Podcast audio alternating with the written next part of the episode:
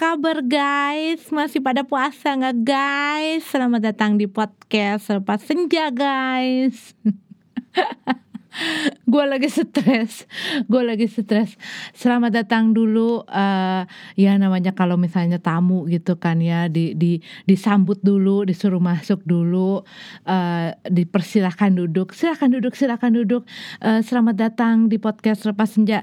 Ketemu lagi sama gue Els Leon yang emang biasa nemenin lo di podcast lepas senja kenapa tadi gue langsung nyosor gue lagi stres gue dua hari ini tuh ya kan memang kalau misalnya awal-awal bulan gue bikin emang tugasnya atau jadwalnya gue bikin konten untuk uh, channel gue yang satunya. Dan itu sekali 12 uh, video. Dan itu harus diedit dan itu harus di ya kalau gue sih gue mungkin kalau orang-orang tuh bisa gue tuh pernah gitu ya gue pernah melakukan hal itu memberanikan. Cuman rasanya tuh kayak gue nggak tenang. Gue tuh kalau nggak nge-recheck hal yang gue kerjakan cek recheck double check itu gue nggak tenang rasanya tuh ada yang aduh aduh. Ini bener nggak ya? Ada apa ya? Gue kelewatan apa ya? Jangan-jangan ada yang nggak bener. Jangan-jangan ada yang gue miss.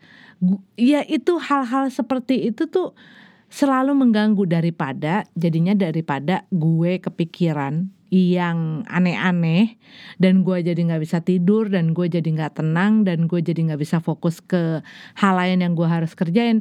Makanya gue setiap kali misalnya bikin segala sesuatu mau yang berupa video ke ataupun misalnya dalam berupa musik ke ataupun misalnya dalam berupa apa deh laporan proposal pokoknya apa aja deh itu tuh gue tuh selalu harus dan kadang-kadang uh, temen gue lu uh, ini banget sih oh OCD eh os oh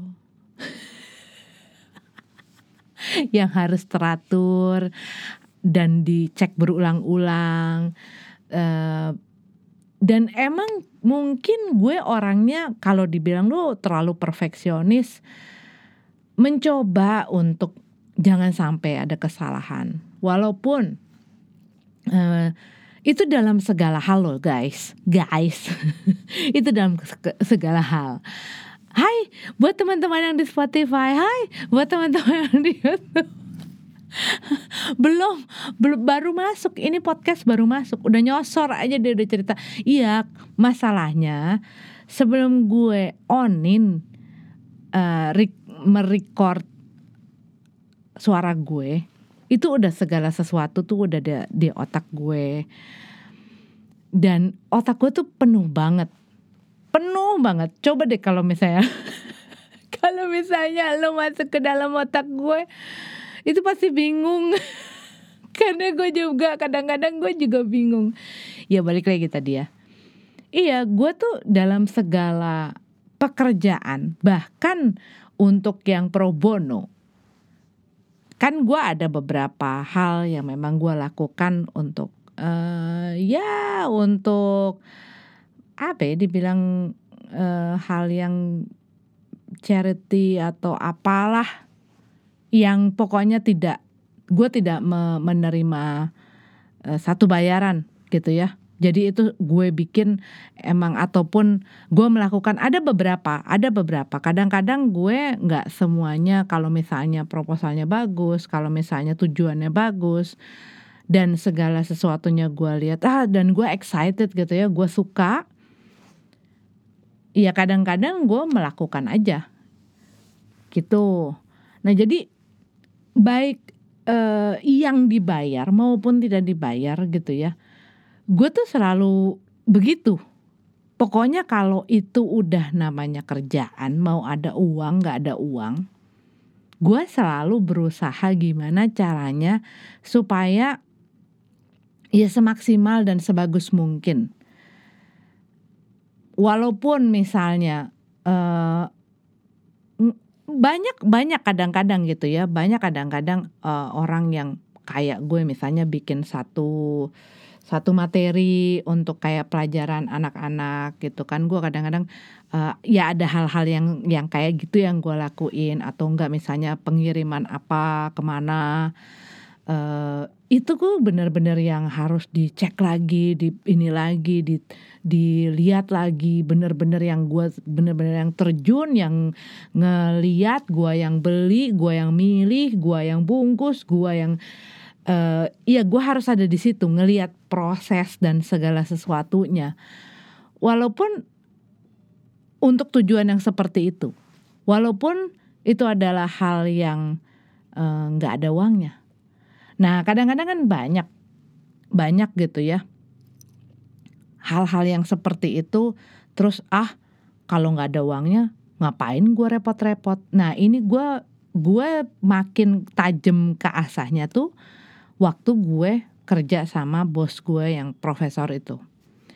Dia kan gak semua yang namanya pasien dia itu dikenakan bayaran. Kadang-kadang ada orang-orang yang memang dikasih free sama dia. Ya se, se sekehendak hatinya dia. Kadang-kadang uh, dan itu nggak bisa dibilang oh yang ini nggak nggak nggak mampu apa yang ini uh, lebih mampu nggak sesuai hatinya dia kalau dia lagi pengen pengen kasih uh, gratis gitu ya dia ya gitu aja dia obatin dia tapi walaupun dengan pasien yang gratis pun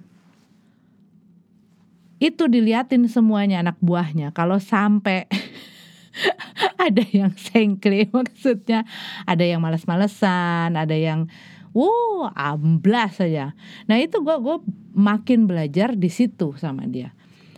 Uh, jadi nggak boleh lo cuman ngeliat dan cuman mau melakukan sesuatu dengan segenap hati lo dan dengan sem apa ya uh, you do your best only for money or only for fame or only for something yang lo pengen gitu jadi kalau lo pengen melakukan sesuatu lakukan dengan sungguh-sungguh lakukan dengan sepenuh hati ada ataupun tidak ada hasilnya yang kamu nikmati. Itu itu selalu diajarin dan itu sampai sekarang ya karena kan gue kerja sama dia tuh udah ya cukup lama ya hampir 8 8 9 tahun. Bahkan sebelumnya gue udah ya kadang-kadang colongan gue jadi bukan colongan tapi cabutan gitu loh.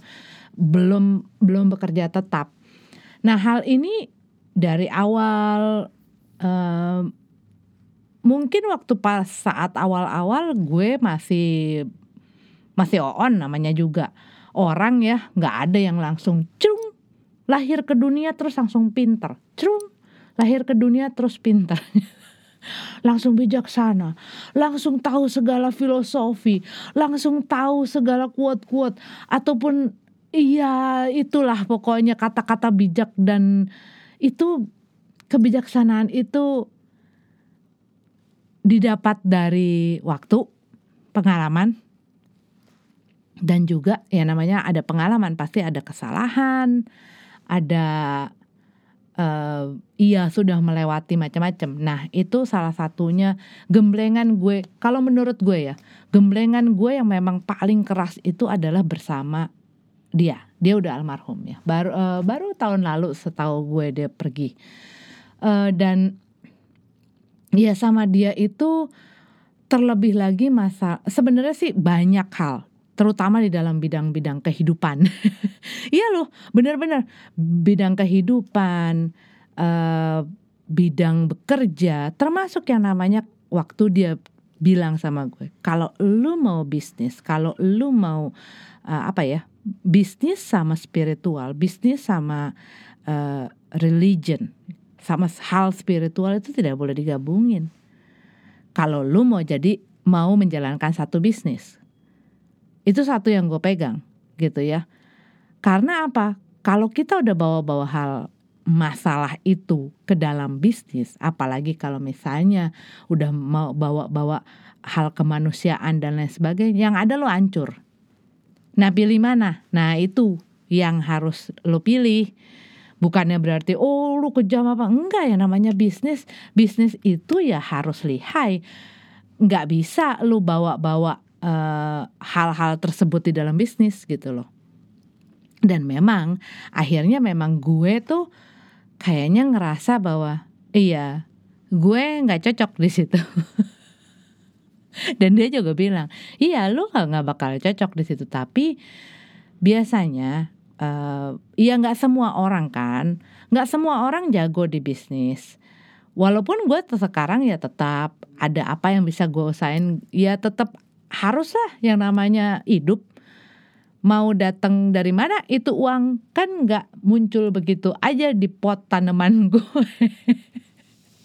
Jadinya ya kitanya harus harus apa ya bergerak, harus harus nyoba, harus tetap ngelakuin apa yang kita bisa sampai semampu kita.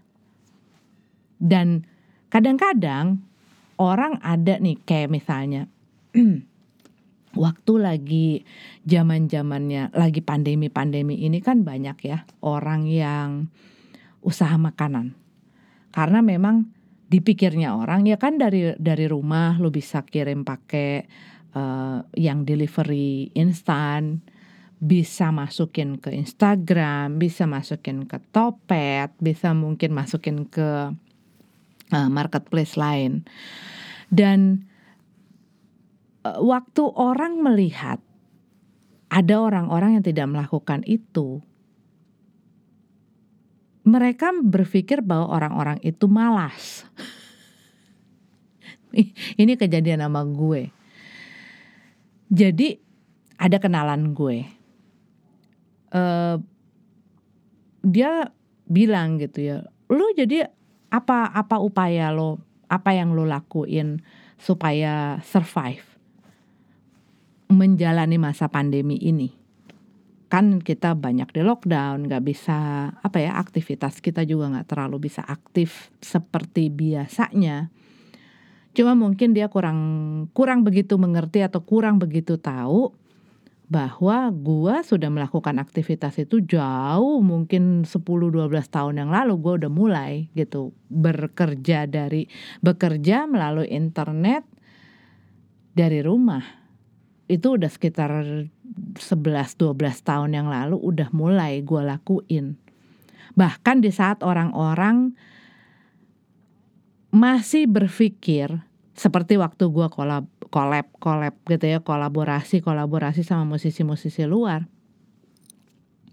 melalui internet nggak pernah ketemu bikin album nggak pernah ketemu kerja sama orang nggak pernah ketemu itu banyak orang-orang yang waktu apa ya melihat. Ya yang gua kenal tentunya. Uh, waktu waktu gua posting ataupun gue kasih tahu uh, ya berpikir bahwa gue tuh geblek. Ngapain sih lu ngelakuin itu? Kenapa nggak manggung aja? Kenapa nggak sama orang ya sama temen apa segala macem?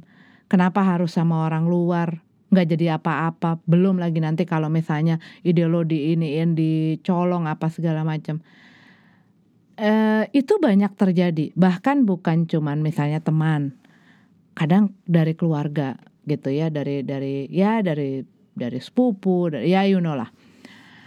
Dan di saat itu ya bahkan waktu bahkan bahkan bahkan iya sampai waktu mereka mulai ngelihat oh gue uh, mulai manggung di luar gitu ya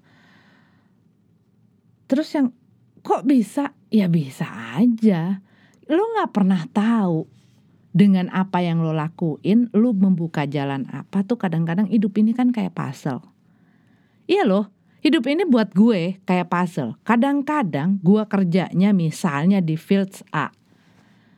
Di situ mungkin hal yang gue dapetin nggak terlalu signifikan ataupun malah tidak terlihat ada hasilnya. Tapi waktu gue fokus ke misalnya di lapangan si A ini, ternyata ada pintu yang kebuka di G atau di H atau di I yang mendatangkan rejeki atau berkat buat gue. Gitu. Dan kadang-kadang ada hal-hal yang memang gue lakuin dan ada hasilnya tapi ya segitu aja. Ngerti nggak? Nggak nggak nggak ada nggak nggak membuka hal-hal lain. Nah itu hal-hal kayak begitu itu kan sama kayak lu main puzzle.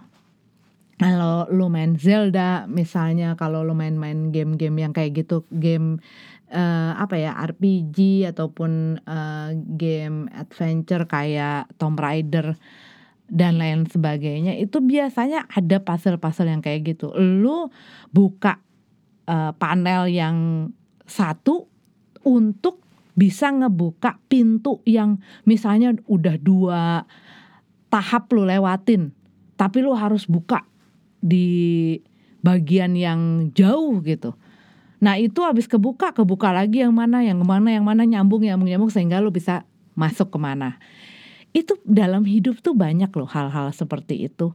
Yang kadang-kadang mungkin banyak orang terlalu malas untuk ngelihat hal itu ataupun ah terlalu complicated ngapain gue pikir jauh-jauh pokoknya kalau misalnya gue ngelakuin hal A dan dia fokus ngotot dan jadinya ya stres Ja, karena apa? Biasanya kalau lu melakukan satu pekerjaan benar-benar hanya fokus kepada hasil hasilnya gitu ya. Hasil dari lu ngerjain ini. Misalnya ya apalagi kalau nggak duit ya nggak sih? Lu cuma fokus sama itunya. Kalau misalnya apa yang lu dapetin tidak sesuai dengan dengan um, dengan ekspektasi lu, lu akan kecewa, lu akan berhenti melakukan itu ataupun sesedeng-sedengnya lu akan mengerjakannya setengah hati, males-malesan. Karena apa? Lu tahu, aduh hasilnya enggak seperti yang gue gue gue lihat. Iya, terus jadinya itu bakal memangkas uh, semangat semangat lo juga untuk ngelakuin kualitas bekerjanya, kualitas melakukannya pun tidak full lagi. Itu banyak banget kejadian dan dan gue banyak melihat dan karena itu gue belajar, belajar supaya tidak jadi seperti itu. Siapa sih orang yang nggak butuh? Ya zaman hidup namanya bukan zaman sekarang dari zaman dulu juga kita butuh uang untuk hidup. Nggak bisa gitu kan hidup nggak pakai hal-hal tersebut. Ya dibilang orang oh materialistis sekali. Lah iya lu kalau nggak nggak nggak punya uang terus mampus. Nggak bisa kecuali lu mau hidup di hutan. Itu pun kena gusur. Ditebang terus lu harus minggir. Apalagi gua yang udah berkeluarga punya anak ya kita harus survive. Untuk survive itu ya harus usaha Nah itu banyak gue gue apa ya gue belajar dari si bekas bos gue itu. Karena memang dia apa ya orangnya penuh dengan filosofi. Ya pak guru pak guru gue dalam kehidupan salah satunya adalah dia. Dan dia dia bilang pokoknya lu kerja. Waktu lu kerja dan lu bener-bener serahin ker, apa ya e, gini gini gini. Tugas lu tuh cuman kerja dan melakukan yang terbaik. Menggunakan gift atau talent atau skill atau hal yang diberikan sama semesta ini sama lo dan menyalurkannya kayak apa ya mempergunakan hidup lo dengan sangat baik untuk diri lu dan untuk orang lain. Dan berkarya apa pun itu. Itu yang yang jadi nomor satu. Supaya lo apa? Supaya lo nggak itu tadi nggak gampang capek. Dan bener loh kalau misalnya kayak gue sekarang nih, gue lagi doyan lari jalan ya. Kalau gue ngeliatin, waduh gila masih jauh banget nih gue baru mulai eh, dua puluh ribu step ataupun berapa ya kalau gue udah ngeset goal yang itu dan gue gue apa ya uh, perhatian atau fokus gue kepada hasilnya, yang ada gue akan cepet capek. Tapi karena gue nikmatin dari waktu ke waktu, iya, kalau gue kuat 10 ribu, syukur. Alhamdulillah puji Tuhan. Kalau misalnya bisa 15, wah keren banget. Kalau bisa 17, wah keren banget. Eh udah 18, wah canggih. Nggak kerasa, udah mau deket. Nah hal-hal kayak begitu tuh uh, yang yang yang apa ya yang yang gue belajar juga nggak langsung ngerti dulu juga gue banyak pertanyaan-pertanyaan kenapa sih kita harus um, all out? Padahal misalnya orang ini udah banyak ngomong orangnya pasiennya gitu ya udah banyak ngomong udah banyak komplain gak bayar lagi. Itu gue gue gue tuh ngeluarin unek-unek sama bos gue dia cuma ketawa tapi dia tuh apa ya dia dia dia merasa bahwa dia itu bapak gue jadi gue emang panggilnya bapak. Dia ngerasa jadi bapak gue dan saat itu karena kita udah ya dekat gitu ya ya gue ngerasa ya dia udah ya gue tuh punya banyak bapak bapak. Ya di hidup gue gue punya banyak uh, bapak ataupun guru-guru yang banyak mengajarkan gue soal kehidupan, soal pekerjaan, soal ya soal hal-hal yang bersangkutan dengan filosofi-filosofi hidup lah ya. Dan mereka bukan bukan they are not a religious people. Lebih ke spiritual. Jadi memang freestyle. dan ma banyak yang masuk dan dan sekarang ini di dalam hidup gue ya banyak gue terapin. Jadi kayak gue melakukan beberapa beberapa hal. Nggak bisa kita cuman punya satu hal yang kita andelin zaman ini dalam kehidupan ini kalau menurut gue. Karena apa? Kita harus se apa ya? Kayak kayak naik mobil naik mobil perjalanan jauh, lu harus butuh yang namanya ban cadangan. Kalau misalnya satu kempes, yang ada lu nggak bawa ban cadangan, lu nya nggak bisa jalan. Tambal ban jauh, nggak tahu di mana, lu lagi malam-malam, nggak ada orang, hmm, nyaho aja. Nah itu, jadi itu kenapa gue dari dulu sampai sekarang kalau yang namanya kerja pasti akan ada beberapa hal yang gue kerjain. Bidangnya tuh pasti beda. Ada beberapa bidang yang gue coba kerjain. Dan kadang-kadang ya itu tadi gue bilang sama lo gue ngerjain sesuatu yang emang emang kayaknya nggak menghasilkan gitu ya. Tapi gue seneng ngerjainnya dan gue menerapkan pelajaran dari si uh, bapak guru gue yang dulu itu bahwa apa pun yang gue kerjain harus gue kerjain se se apa ya se bukan seikhlasnya sepenuh hati sepenuh hati seterbaik terbaik mungkin yang gue bisa. Nggak boleh males-malesan harus semangat. Yaitu dan itu tuh gue berasa banget. Itu ngebuka banyak jalan buat gue ada hal-hal yang gue lakuin yang memang memang gue lihat gue lihat gue sampai ketawa-ketawa sama laki gue gue atau gue cerita hal ini gitu ya. Begitu gue ngelakuin hal ini ada sekitar dua dua tiga tiga tiga tiga hal ini gue lakuin. Itu pintu kebuka. Dung dung dung dung dung. Dan dan nggak disangka-sangka. Begitu gue udah mulai lemes nih mulai kan biasanya kayak gitu. Wah yang di situ tuh yang ada ininya apa ada hasilnya tuh. Itu tuh yang yang perlu gue fokus nih. Begitu gue meleng mulai tuh kayak nutup mulai seret mulai ini mulai ini. Ah iya. Itu gue yakin banget tuh masalah puzzle. Nggak tahu deh lo lo ber, lo kira-kira kira-kira masuk akal nggak? Kalau menurut gue masuk akal banget. Gue juga dulunya juga sempat yang ah masa sih? Masa sih begini sih? Tapi setelah gue banyak apa ya menjalani makin lama makin mengerti makin lama makin ngerti.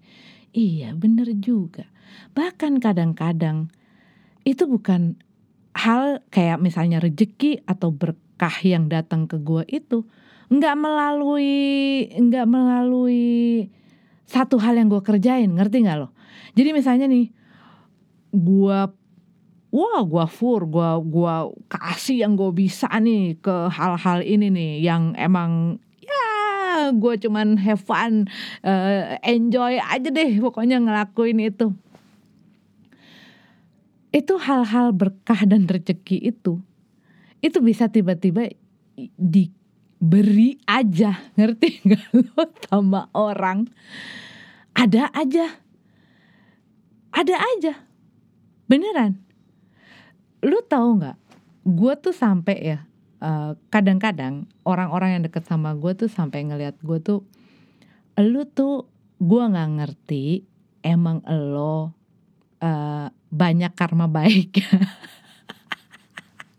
Atau lo emang emang hoki aja orangnya lu tau nggak gue berapa kali bolak balik ke luar negeri nggak bayar sama sekali dikasih orang ditraktir orang semuanya di tanggung termasuk gue di, dijajanin. Itu nggak cuma sekali nggak cuma dua kali banyak kali. Kayak misalnya gue ya misalnya kayak waktu itu. Gue tuh lagi ngeliat gue tuh lagi ini ini ini cerita hoki-hoki kali ya. tapi gue bener gue sampai gini ah gue ban ban kamshalat ya ente. Keluar. Iya um, gue gue menilai apa ya gue merasa iya ya gue itu nggak uh, tahu gue kegeeran apa enggak ya Tuhan tapi gue ngerasa ngerasa kayak dia tuh kasih gue hoki. Gue tadi kayaknya mau ngomongin soal lagi stres lagi capek stres kerja udah dua hari. Ya nggak apa-apa lah kita ketawa-ketawa aja. Jadi gue tuh lagi ngeliat kan karena uh, kita nggak bisa nggak bisa ke bukan yang nggak bisa sih tapi gue malas aja ke mall ataupun ke mana lah gue malas aja ke tempat-tempat keramaian. Kalau emang nggak penting-penting banget gue tuh cuma ke sana tuh kalau misalnya ada yang perlu kayak ke supermarket gitu-gitu. Nah itu baru gue pergi. Tapi kalau misalnya nggak penting-penting banget gitu ya kayak apa yang gue lagi pikirin ini gue tuh nah dulu tuh waktu gue uh, di cerita dua episode yang lalu. Gue kan udah cerita sama lo. Waktu dulu enam bulan yang lalu. Ukuran kaki gue kan karena kaki gue gemuk lebar gitu ya. Jadi gue tidak bisa memakai ukuran yang ukuran gue seharusnya ngerti gak ukuran gue seharusnya adalah 38 tapi karena gue nggak lebarnya tuh nggak masuk sehingga semua sepatu sendal dan alas sepatu gue tuh antara tiga sembilan setengah atau enggak 40 untuk bisa masuk. Begitu udah sekarang itu udah pada kelepak klepek kelepak klepek semua dan gue udah harus balik ke ukuran kaki gue yang sekarang which is adalah 38 sekarang. Nah, akhirnya kan gue tuh waktu awal-awal mulai jalan nama lari kan gue masih ya nyeker kadang-kadang atau enggak pakai sendal. Tapi begitu bukan bukan bukan udah lari tapi sebelum lari. Nah begitu lari gue pakai sepatu cats gue yang biasanya yang ada keplok-keplok dan kadang bukan kadang sering gue kesandung-sandung. Nah gue tuh lagi ngeliat-ngeliat duh gue pengen cari ini nih gue pengen cari sepatu olahraga gue pengen cari sepatu olahraga gue gue lagi lihat-lihat gitu kan. Lagi lihat-lihat nih di marketplace gitu lihat-lihat oh segini ya oke lah. Nanti bulan depan atau nanti begitu ini uang masuk.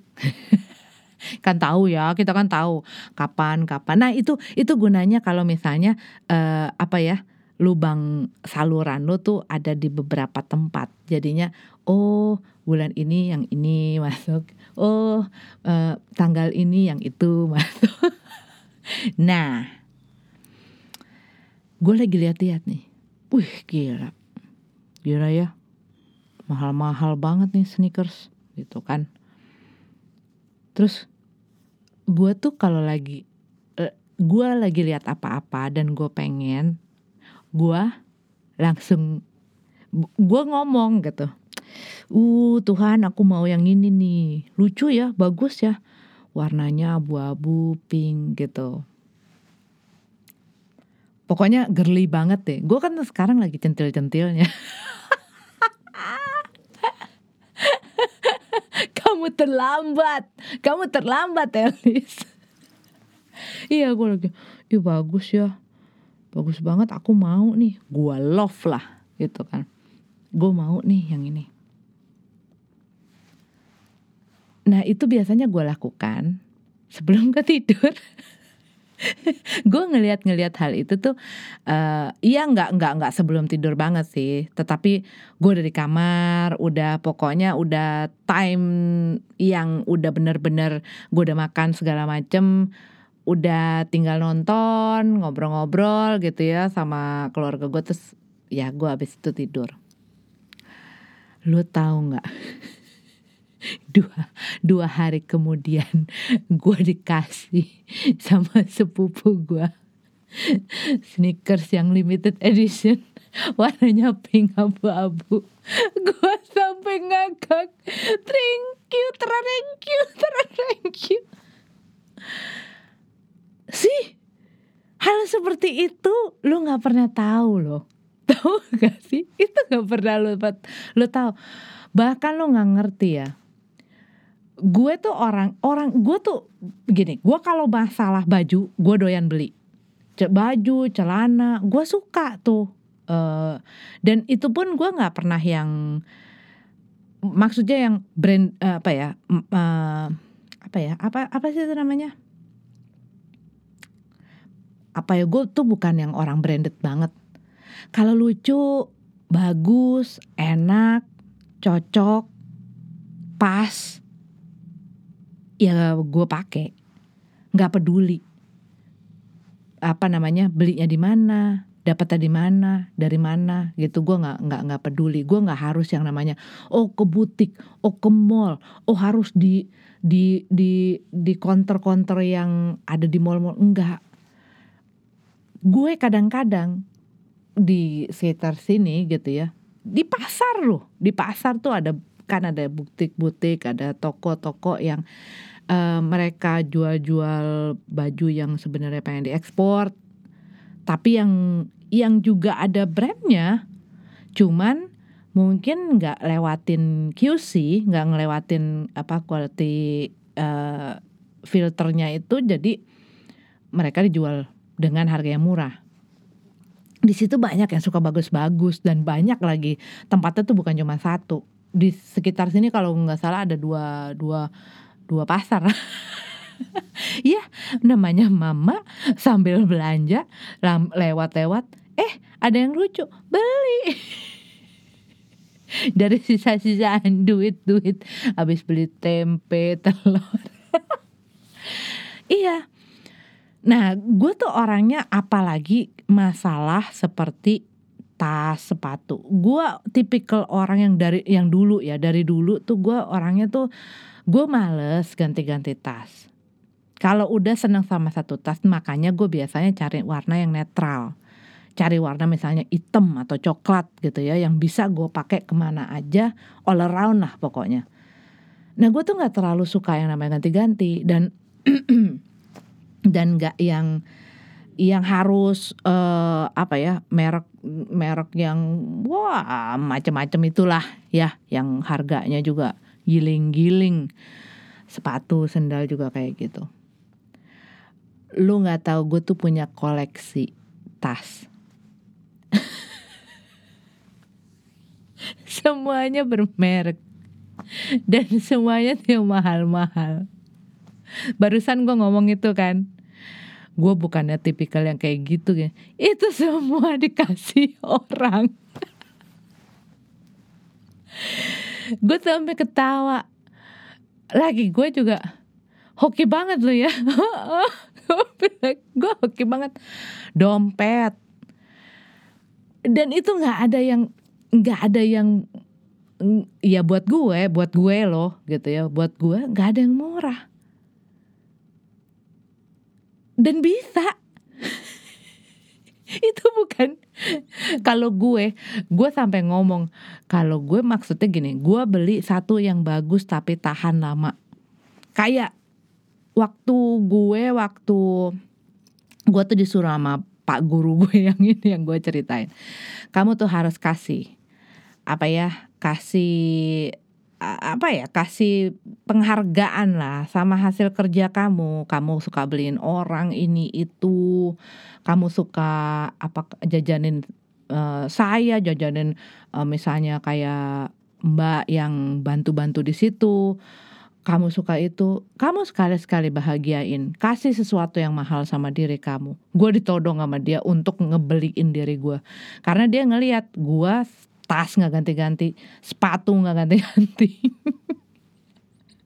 yang ganti-ganti baju, baju sama celana, baju sama celana, rajin banget loh kalau udah masalah itu. Tapi kalau udah masalah jam apa segala macam tuh nggak. Jadi akhirnya pada suatu hari gue dibawa uh, ke satu mall di Pondok Indah, udah jelas banget mall Pondok Indah. Ya, eh enggak enggak enggak bukan bukan bukan Senayan. Gue dibawa ke situ, dibawalah ke metro. Yang uh, logonya banteng no.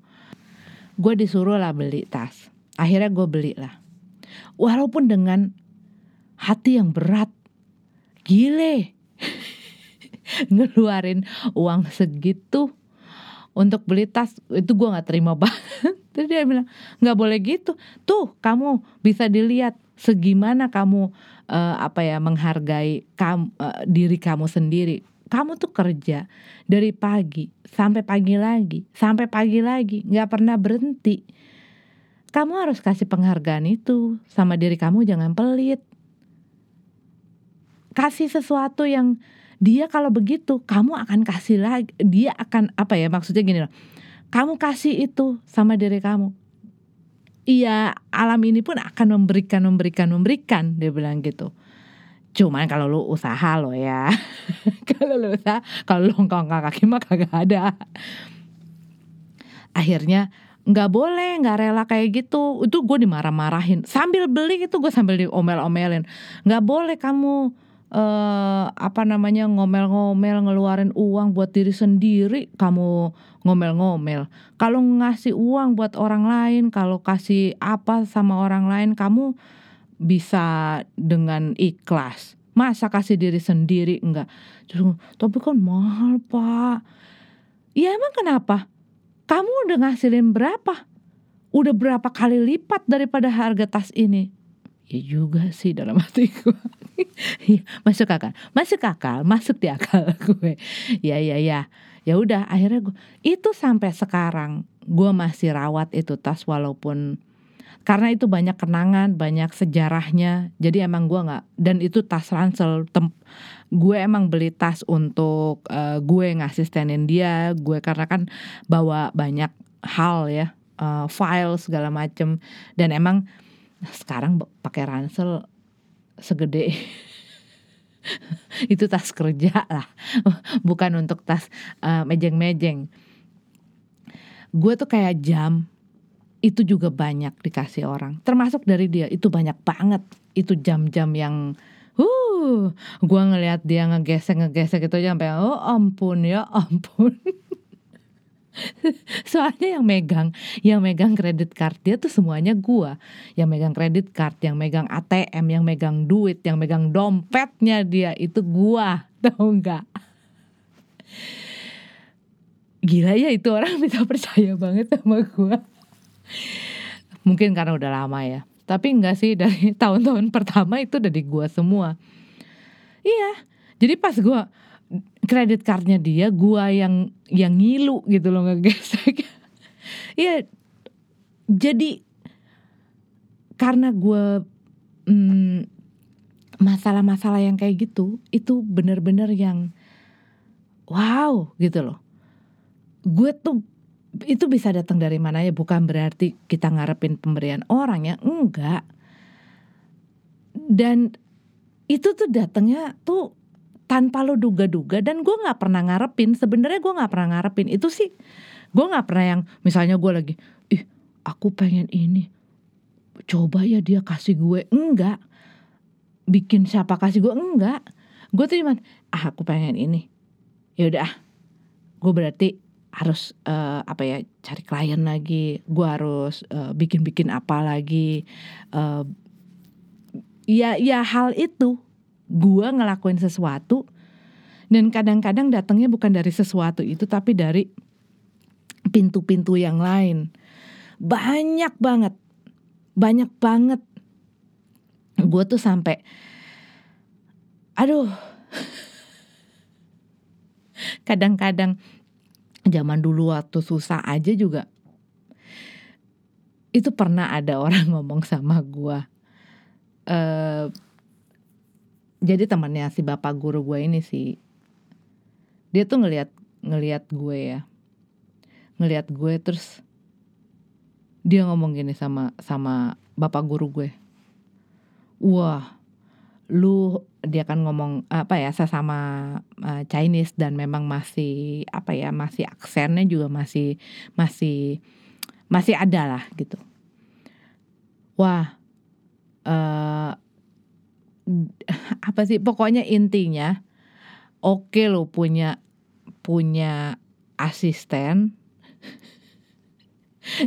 yang tampangnya begini menurut dia tampang gue tampang hoki tapi enggak anak enggak kok. Itu itu bukan kalau menurut gue ya gue sih bersyukur gue bersyukur banget kalau misalnya Tuhan kasih gue hoki yang besar banget dan gue ngerasain hoki-hoki itu mengikuti gue dari dari dulu sampai sekarang. Dari kecil kalau gue gue gue menilik ke belakang gue dulu tuh pengen punya sepeda. Gue pengen punya sepeda uh, dan ya waktu zaman itu sepeda BMX tuh mahal banget.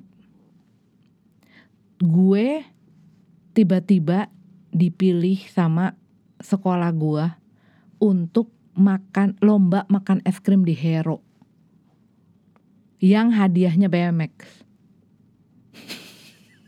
gue lagi pengen sepeda. Itu bisa ada kayak begituan, coba.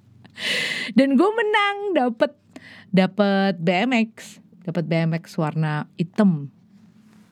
Duh, Iya, iya, iya, iya hal-hal semacam itu dan kadang kayak dulu gue lagi misalnya uh, uh, pengen apa ya? Zaman dulu tuh sebenarnya gue nggak terlalu terlalu suka banget sama boneka Barbie. Dan buat gue boneka Barbie itu mahal sekali. Lu tahu nggak?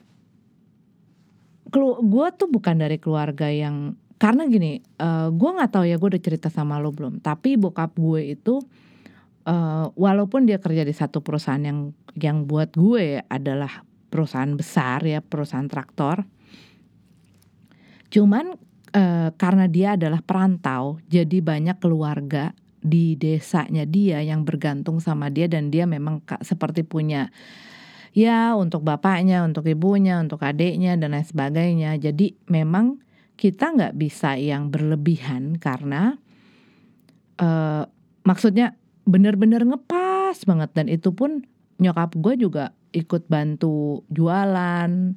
Yang gue udah cerita sama lo itu dagang lah segala macem. Ya untuk membackup karena itu nggak bakal apa ya iya ngepas banget. Nah untuk beli-beli hal-hal seperti kayak Barbie segala macem itu nggak bakal bisa gitu loh pada saat gua gua di umur itu.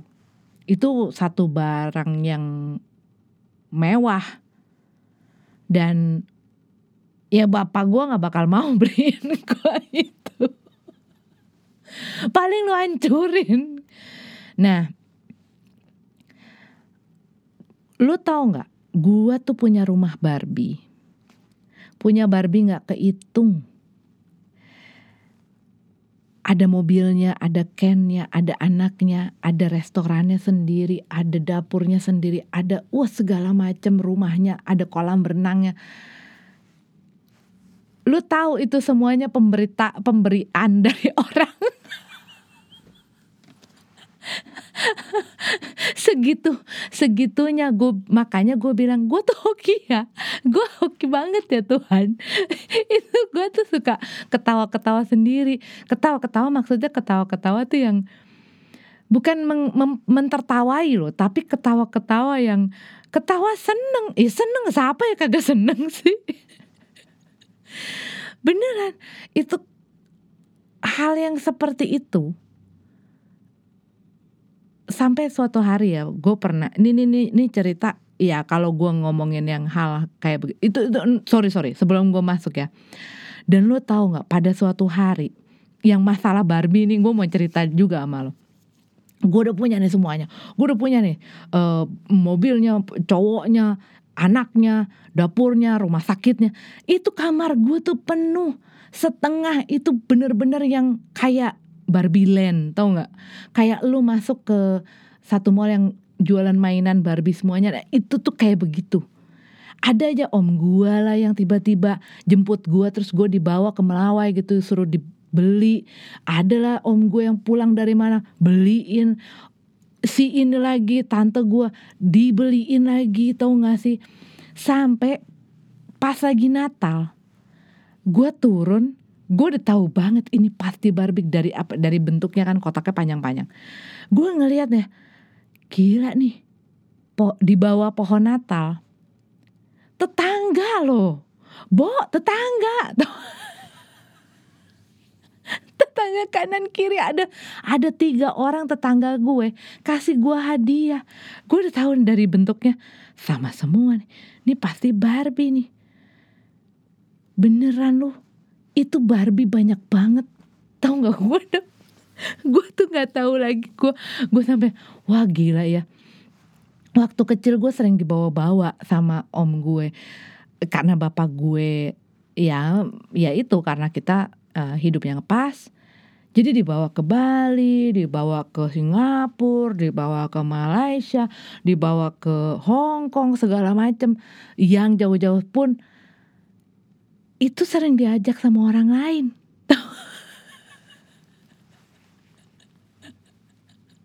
Iya, iya, ya begitu. Dan gue tuh sempet yang yang suka gitu ya, gue sempet yang wah gila ya. Uh, apa ya? Uh, dan itu itu yang jadi semangat gue saat gue melakukan apa pun. Uh, gue gua nggak nggak bakal gue kayak gini loh. Hal-hal itu bukan berarti membuat gue jadi males dan nungguin orang-orang kasih gue enggak.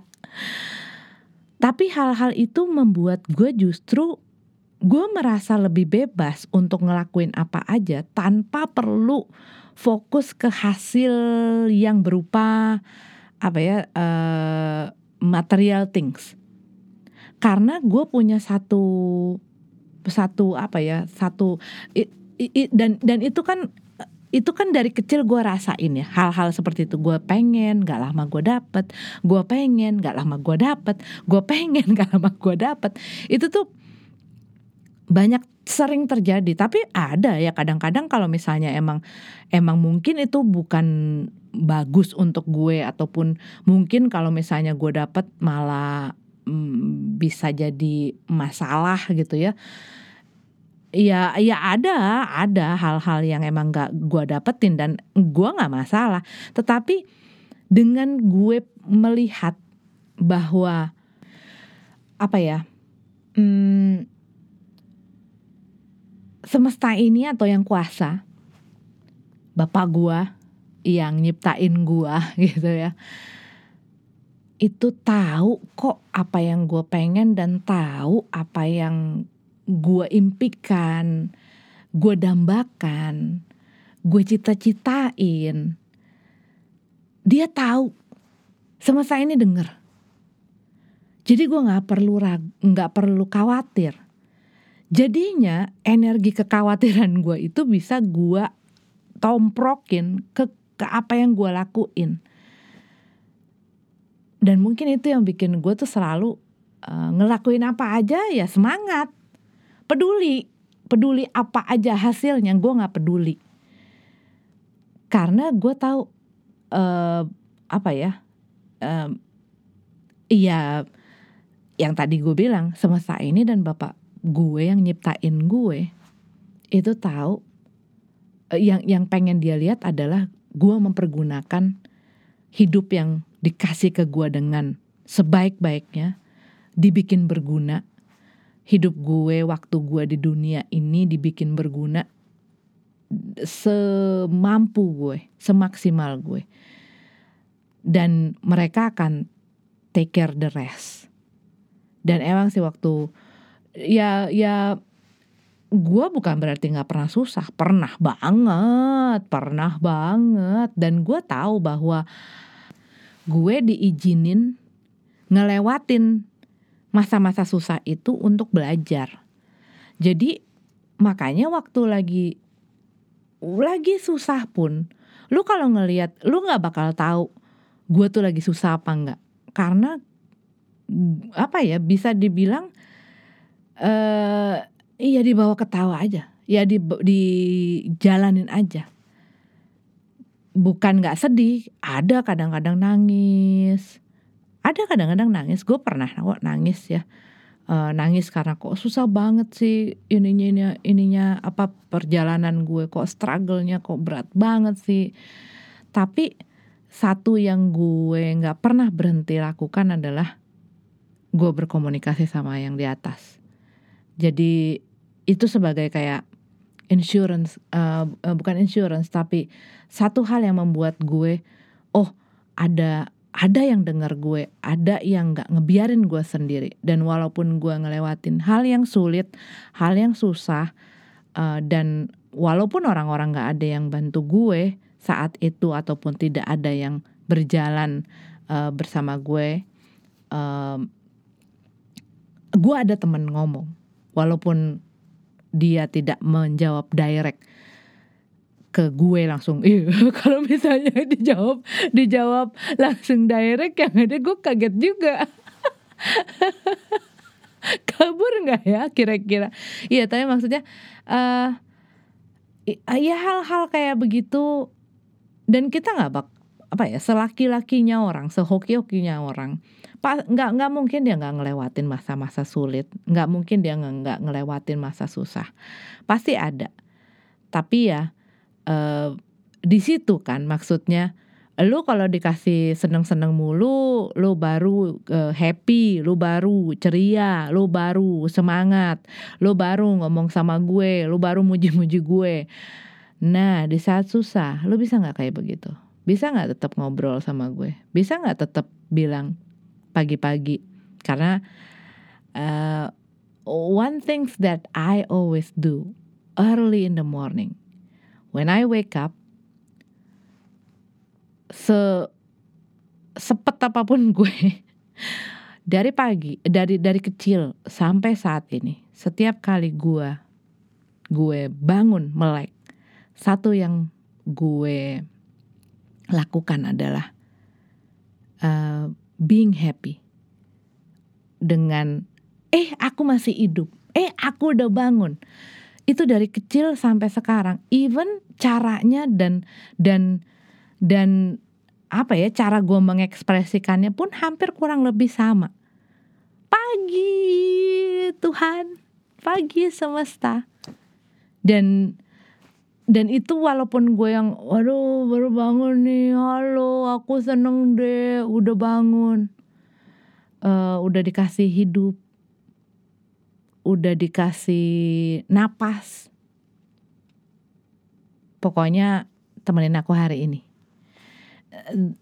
As simple as that sebenarnya uh, pembuka hari gue. Tetapi uh, apa ya itu tuh kayak misalnya lo uh, di di rumah. Kalau lo di rumah nggak tahu ya um, tapi gue dari apa ya dari dulu sampai sekarang punya satu kebiasaan saat gue bangun, gue akan menegur semua orang di dalam rumah gue dari kecil. Pagi pi, pagi mi, atau ada apa? Ada abang gue, pagi bang, gitu kan. Ya gitu. Sekarang pun gue tularkan ke anak-anak gue waktu mereka bangun pagi pertama yang mereka mereka akan negor semuanya. Kita akan saling tegur Uh, dan ya pertama kali pas saat gue bangun yang gue tegur adalah iya pencipta gue dan semesta ini gitu loh. Karena gue nggak akan ada di sini kalau nggak ada uh, kalau mereka nggak izin gitu. Gitu. Aduh jadi aduh cobain deh cobain deh. Itu tuh kayak mood booster loh. Tapi uh, ya ya cobain dengan ya hati ringan aja gitu loh. Kayak you know say something to apa ya greeting someone that you love. Nah itu rasanya kayak gitu ya. Greeting someone that you love. Kayak misalnya lo punya punya kekasih, punya pacar Atau punya ya pasangan lo lah ya. Lagi anget-angetnya kan biasanya kalau bangun pagi Pagi sayang. Gimana tadi malam mimpinya? Aku tidur enak segala macam itu lo lakuin sama yang punya hidup. Dia pasti seneng banget. Oke udah hampir satu jam. Gue udah sampai di sini dulu. Terima kasih banget. Terima kasih banget lo udah mau dengerin gue. Semoga hari-hari lo uh, dilancarkan, lo selalu disehatkan, dikuatkan, dan diberikan rezeki dan berkah yang juga lancar melimpah. Sampaikan salam sama orang-orang terkasih kamu. Selamat menjelang um, akhir pekan. Selamat menikmati. Elsie out.